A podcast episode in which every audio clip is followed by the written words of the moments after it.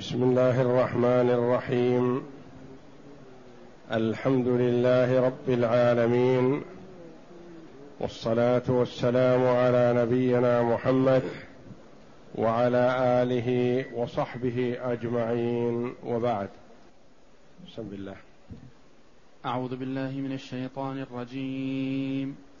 فإنكم وما تعبدون ما أنتم عليه بفاتنين. إلا من هو صال الجحيم وما منا إلا له مقام معلوم.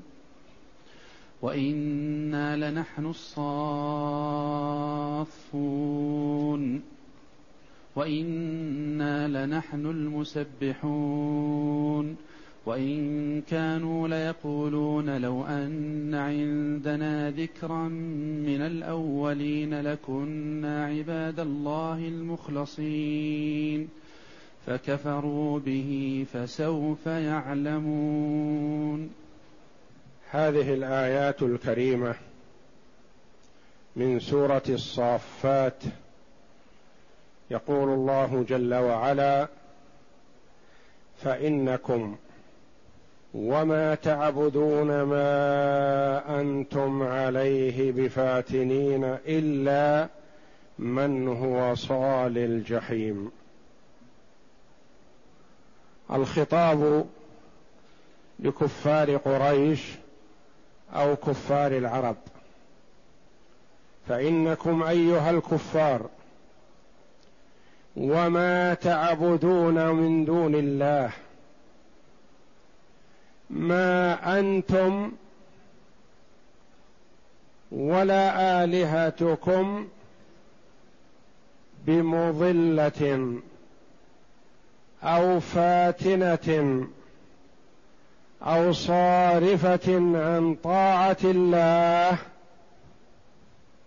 إلا من أراد الله جل وعلا إضلاله وعلم ازلا أنه لن يهتدي. فالآية فيها بيان لحقارة الكفار مع آلهتهم التي يعبدون من دون الله. وأنهم لا يستطيعون إضلال من أراد الله هدايته كما أنهم لا يضلون إلا من علم الله جل وعلا ازلا بأنه يضل ويكون من أهل النار. فإنكم وما تعبدون فإنكم وآلهتكم فإنكم وآلهتكم. عطف على اسم إن. التي تعبدون من دون الله لستم بفاتنين على الله بإفساد عبادة. لا تظنون أنكم تستطيعون إضلال من شئتم. فأنتم لا تضلون إلا من أراد الله جل وعلا ازلا إضلاله. يقال فتن فلان على فلان امرأته بمعنى أفسدها عليه. فتنه بمعنى أضله. أو أفسده أو أغواه. فلا يظن الكفار أن آلهتهم تضل أو تفسد على الله عبادة. لا فليس لهم من الأمر شيء. فهم لا يضلون إلا من حكم الله جل وعلا عليه بالضلال ازلا. قديما. وعلم جل وعلا أنه يضل أنه يضل عن الصراط المستقيم. فإنكم وما تعبدون. ما هنا يصح أن تكون موصولة وأن تكون مصدرية. أنكم والذي تعبدون. أو فإنكم ومعبوداتكم أو وعبادتكم ما أنتم عليه أي على الله بفاتنين بصارفي عباده عن طاعته. ما أنتم؟ ما هذه نافية. ما أنتم وما تعبدون موصولة أو مصدرية. قال الزجاج أهل التفسير مجمعون فيما علمت أن المعنى ما أنتم بمضلين أحدا إلا من قدر الله عز وجل عليه أن يضل. فمن قدر الله جل وعلا عليه أن يضل فهو يضل ويتبع الآلهة. وليس تبعيته للآلهة لأن الآلهة فعلت فيه شيء أو استطاعت أن تضله ولكن لأن الله جل وعلا علم ازلا أنه يضل وأنه يصلى الجحيم. إلا من هو صال الجحيم إلا أداة استثناء إلا من سبق له في علم الله الشقاوة والهلاك وأنه سيدخل النار. والاستثناء مفرغ ومن حيث اللفظ وأما من حيث المعنى فالمستثنى من المفعول المقدر. ما أنتم عليه بفاتنين أحدا إلا من هو صال الجحيم. قال ابن عباس رضي الله عنهما إنكم يا معشر المشركين وما تعبدون يعني الآلهة ما أنتم عليه بمضلين إلا من سبق في علمه أنه سيصلى الجحيم وهم الكفار. وعنه رضي الله عنه قال لا تفتنون إلا من هو صال الجحيم. يعني لا تستطيعون أن تصرفوا عن دين الله إلا من علم الله جل وعلا أنه صال الجحيم. والقراءة المشهورة قراءة الجمهور صال الجحيم بكسر اللام لأنه منقوص مضاف. أصلها صالي.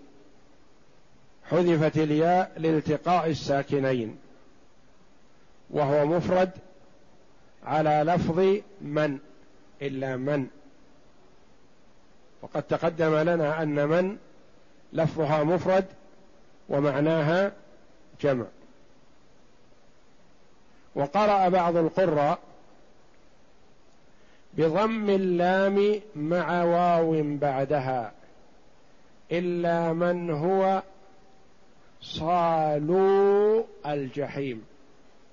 وأصلها صالون فحذفت النون لأجل الإضافة والواو هذه واو الجمع. صالوا وقرئ إلا من هو صال الجحيم بضمة فقط بدون واو. وهذه اعتبرها بعض النحاة لحن. ففي هذه الآية إخبار من الله جل وعلا بأن المشركين وآلهتهم لا يستطيعون أن يضلوا من أراد الله هدايته فلا يضل إلا من أراد الله له الشقاوة ازلا. وفي هذا تحقير لهم بأنهم لا يستطيعون أن يفعلوا شيئا. نعم. قال ابن كثير رحمه الله تعالى يقول تعالى مخاطبا للمشركين فإنكم وما تعبدون ما أنتم عليه بفاتنين إلا من هو صال الجحيم.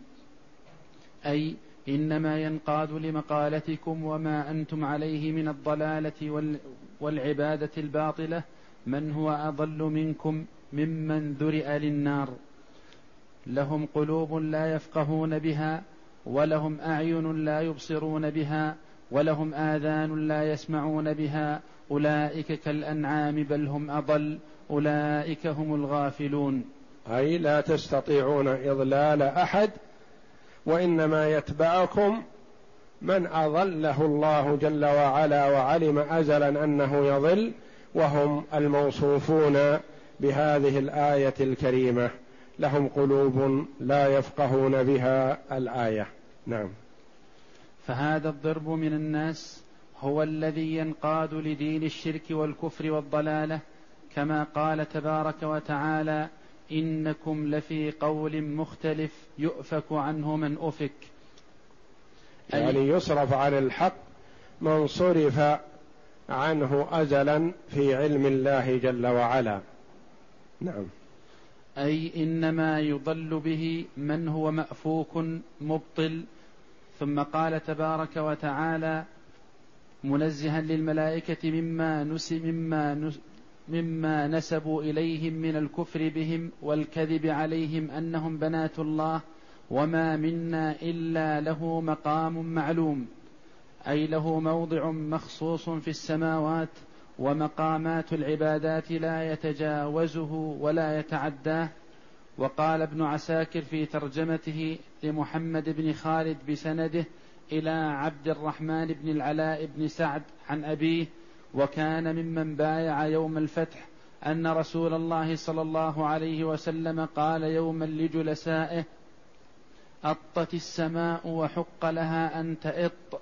ليس فيها مو أطت بمعنى ظهر لها صوت من ثقل الحمل. كما يقال أط الرحل بأنه يعني إذا ثقل الحمل عليه صار له شبه صرير. نعم. ليس فيها موضع قدم إلا عليه ملك راكع أو ساجد. يعني أن السماء ملأى بالملائكة يعبدون الله جل وعلا. ثم قرأ صلى الله عليه وسلم وما منا إلا له مقام معلوم وإنا لنحن الصافون وإنا وما منا إلا له مقام معلوم. هذا من كلام الله جل وعلا إخبارا عن الملائكة كأن الملائكة تقول نحن عباد لله جل وعلا تعبدنا الله جل وعلا بما جعل لنا من أماكن في العبادة ونوع من أنواع العبادة نعبد الله عليه. فهم يقولون نحن لا نتجاوز ما حد لنا. وفي هذا رد على المشركين رد على الطائفتين. طائفة عبدوا الملائكة وطائفة احتقروا الملائكة وقالوا هم بنات الله. فالله جل وعلا قال على لسان الملائكة وما منا ملك من الملائكة إلا له مقام معلوم. له مقام يعبد الله فيه. له نوع من أنواع العبادة. موكل بكذا يعبد الله على كذا يمضي الوقت كله ساجدا يمضي الوقت كله راكعا يمضي الوقت كله في تدبير ما وكل إليه من الرياح والمطر والسحاب وغير ذلك من الأمور التي جعلهم الله جل وعلا عليها. وما منا ملك من الملائكة إلا له مقام معلوم بين. وقد ورد أن النبي صلى الله عليه وسلم لما عرج به مع جبريل عليهما الصلاة والسلام لما وصل إلى سدرة المنتهى توقف جبريل عليه السلام. فقال له النبي صلى الله عليه وسلم الآن تخالفني أو تتركني؟ فأنزل الله جل وعلا كما قال بعض المفسرين هذه الآيات الثلاث وهو النبي صلى الله عليه وسلم عند سدرة المنتهى وما منا إلا له مقام معلوم وإنا لنحن الصافون وإنا لنحن المسبحون. نعم. وقال الضحاك في تفسيره وما منا إلا له مقام معلوم. قال كان مسروق يروي عن عائشة رضي الله عنها أنها قالت قال رسول الله صلى الله عليه وسلم ما من السماء الدنيا موضع إلا عليه ملك ساجد أو قائم فذلك قوله تعالى وما منا إلا له مقام معلوم. يعني هذا عبادته الركوع وهذا عبادته السجود والسماء ملأى بالملائكة عباد لله. نعم. وقال الأعمش عن أبي إسحاق عن مسروق عن ابن عباس رضي الله عنه قال إن في السماوات لسماء ما فيها موضع شبر إلا عليه جبهة ملك أو قدماه. ثم قرأ عبد الله رضي الله عنه وما منا إلا له مقام معلوم. وكذا قال سعيد بن جبير وقال قتاده كانوا يصلون الرجال والنساء جميعا حتى نزلت وما منا الا له مقام معلوم. أي فتقدم الرجال وتأخر النساء. نعم. فتقدم الرجال وتأخر النساء. وإنا لنحن الصافون أي نقف صفوفا في الطاعة كما تقدم عند قوله تبارك وتعالى والصافات صفا. أي الملائكة تصف عند ربها. نعم. قال ابن جريج عن الوليد بن عبد الله ابن أبي مغيث قال كانوا لا يصفون في الصلاة حتى نزلت وإنا لنحن الصافون فصفوا. وقال أبو نضرة كان عمر رضي الله عنه إذا أقيمت الصلاة استقبل الناس بوجهه ثم قال أقيموا صفوفكم استووا قياما يريد الله تعالى بكم هدي الملائكة ثم يقول وإنا لنحن الصافون تأخر يا فلان تقدم يا فلان ثم يتقدم فيكبر رواه ابن أبي حاتم وابن جرير أي أن عمر رضي الله عنه كان إذا أراد الدخول في الصلاة كان يتأول هذه الآية الكريمة فكان يستقبل الناس بوجهه قبل أن يكبر ثم يقرأ عليهم هذه الآية ويحثهم على الاستواء كما تستوي وكما تصف الملائكة عند ربها ثم يكبر عليه الصلاة رضي الله عنه بعدما يقول تقدم يا فلان يعني يسمي الرجل المتأخر ويسمي الرجل المتقدم فيقول تقدم يا فلان وتأخر يا فلان حتى يكون الصف معتدلا. وثبت في الصحيح أن النبي صلى الله عليه وسلم أمر أصحابه بأن يصفوا كما تصف الملائكة عند ربهم. فقالوا يا رسول الله وكيف تصف الملائكة عند ربهم؟ قال يقيمون الصفوف المقدمة ويتراصون في الصف. يعني يستوون ويقيمون اعتدال الصف ويتراصون يتقاربون ولا يتركون بينهم فرجا نعم. وفي صحيح مسلم عن حذيفة رضي الله عنه قال قال رسول الله صلى الله عليه وسلم فضلنا على الناس بثلاث جعلت صفوفنا كصفوف الملائكة وجعلت لنا الأرض مسجدا وتربتها طهورا. الحديث. هذه ثلاث من أمور فضل الله بها هذه الأمة. هذه الثلاث الأولى أن صفوف المسلمين في الصلاة كصفوف الملائكة عند ربها. والثاني أن الأرض كلها صالحة للصلاة فيها فهي مسجد إلا ما استثني من الأماكن القذرة. وأن تربة الأرض طهور للمسلم وإن لم يجد الماء عشر سنين. وإنا لنحن المسبحون أي نصطف فنسبح الرب ونمجده ونقدسه وننزهه عن النقائص فنحن عبيد له فقراء إليه خاضعون لديه. يعني يقولون الملائكة عن أنفسهم وإنا لنحن المسبحون. أي نحن ننزه الله ونقدس الله ونثني على الله جل وعلا بما هو أهله. فهذا رد على الكفار والمشركين بأنه ليس لنا من الأمر شيء بل نحن نعبد الله لا نفتر. نشتغل بالتسبيح والتقديس لله جل وعلا. وقيل المراد المسبحون المصلون أنهم يصلون ويسبحون في صلاتهم. نعم. وقال ابن عباس رضي الله عنهما ومجاهد وما منا إلا له مقام معلوم الملائكة وإنا لنحن الصافون الملائكة وإنا لنحن المسبحون الملائكة تسبح الله عز وجل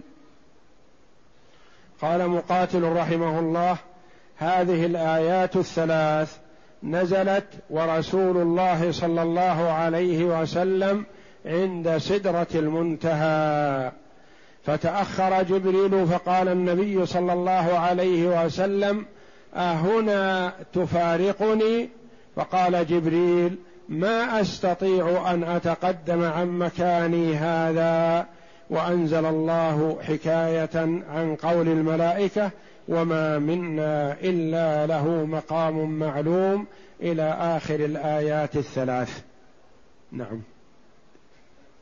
وقال قتادة وإنا لنحن المسبحون يعني المصلون يثبتون بمكانهم من العبادة كما قال تبارك وتعالى وقالوا اتخذ الرحمن ولدا سبحانه بل عباد مكرمون لا يسبقونه بالقول وهم بأمره يعملون.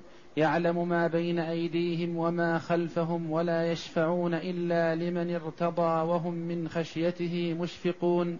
ومن وهم من خشيته مشفقون. أن أي أنهم يخافون الله جل وعلا ويتضرعون إليه ويسألونه ويجأرون إليه. فليسوا شركاء لله تعالى الله. نعم.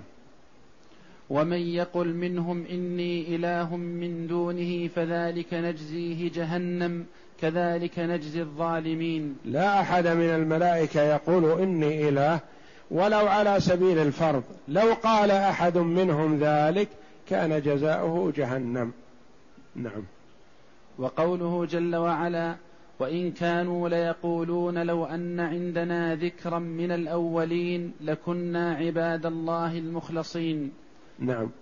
وإن كانوا ليقولون إن هذه المخففة من الثقيلة وإنه أي الحال والشأن كانوا أي كفار قريش ليقولون. اللام هذه دخلت على الخبر لتفرق بين إن المخففة من الثقيلة كهذا والنافية. وإن كانوا ليقولون لو أن عندنا ذكرا من الأولين. حينما عيرت قريش بالجهل وعدم العلم قالوا زعما منهم لو نزل علينا كتاب من السماء وجاءنا رسول من الله كما جاء لليهود والنصارى لكنا أهدى منهم ولكنا أحسن حال ولكنا مخلصين لله لكننا لم يأتنا شيء من ذلك فكنا على هذه الحال فأنزل الله جل وعلا وإن كانوا ليقولون لو أن عندنا ذكرا من الأولين لكنا عباد الله المخلصين فلما جاءهم الرسول والذكر كفروا به. فالويل لهم فسوف يعلمون عاقبة كفرهم. لو أن عندنا ذكرا من الأولين يعني كتاب ورسول كما جاء لليهود وكما جاء للنصارى لكنا من أخلص عباد الله لله لكن لم يأتنا شيء من ذلك. نعم.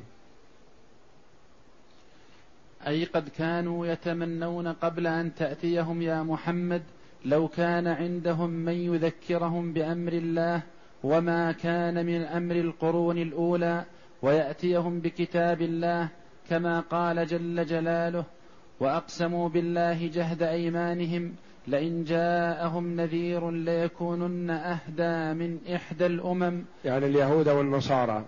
نعم. فلما جاءهم نذير ما زادهم إلا نفورا. بعدا عن الحق واستكبارا عليه. نعم. وقال تعالى أن تقولوا أن, أن تقولوا إنما أنزل الكتاب على طائفتين من قبلنا وإن كنا عن دراستهم لغافلين أو تقولوا لو أنا أنزل علينا الكتاب لكنا أهدى منهم فقد جاءكم بينة من ربكم وهدى ورحمة فمن أظلم ممن كذب بآيات الله وصدف عنها سنجزي الذين يصدفون عن آياتنا سوء العذاب بما كانوا يصدفون. نعم. ولهذا قال تعالى ها هنا فكفروا به فسوف يعلمون.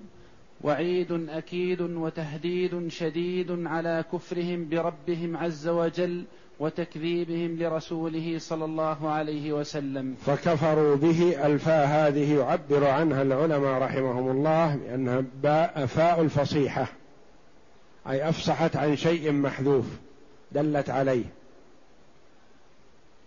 كأن الكلام لو أن عندنا ذكرا من الأولين لكنا عباد الله المخلصين فلما جاءهم الرسول والذكر كفروا به.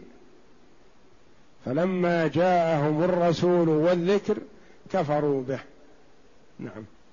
فكفروا به. فسوف يعلمون. وعيد شديد لهم. أي أنهم سيعلمون وسيرون عاقبة كفرهم وعدوا من أنفسهم أنهم إن جاءهم رسول يؤمنون. فلما جاءهم الرسول ما آمنوا فسوف يعلمون عاقبة كفرهم حينما يصلون النار. والله أعلم. وصلى الله وسلم وبارك على عبد ورسول نبينا محمد وعلى آله وصحبه أجمعين.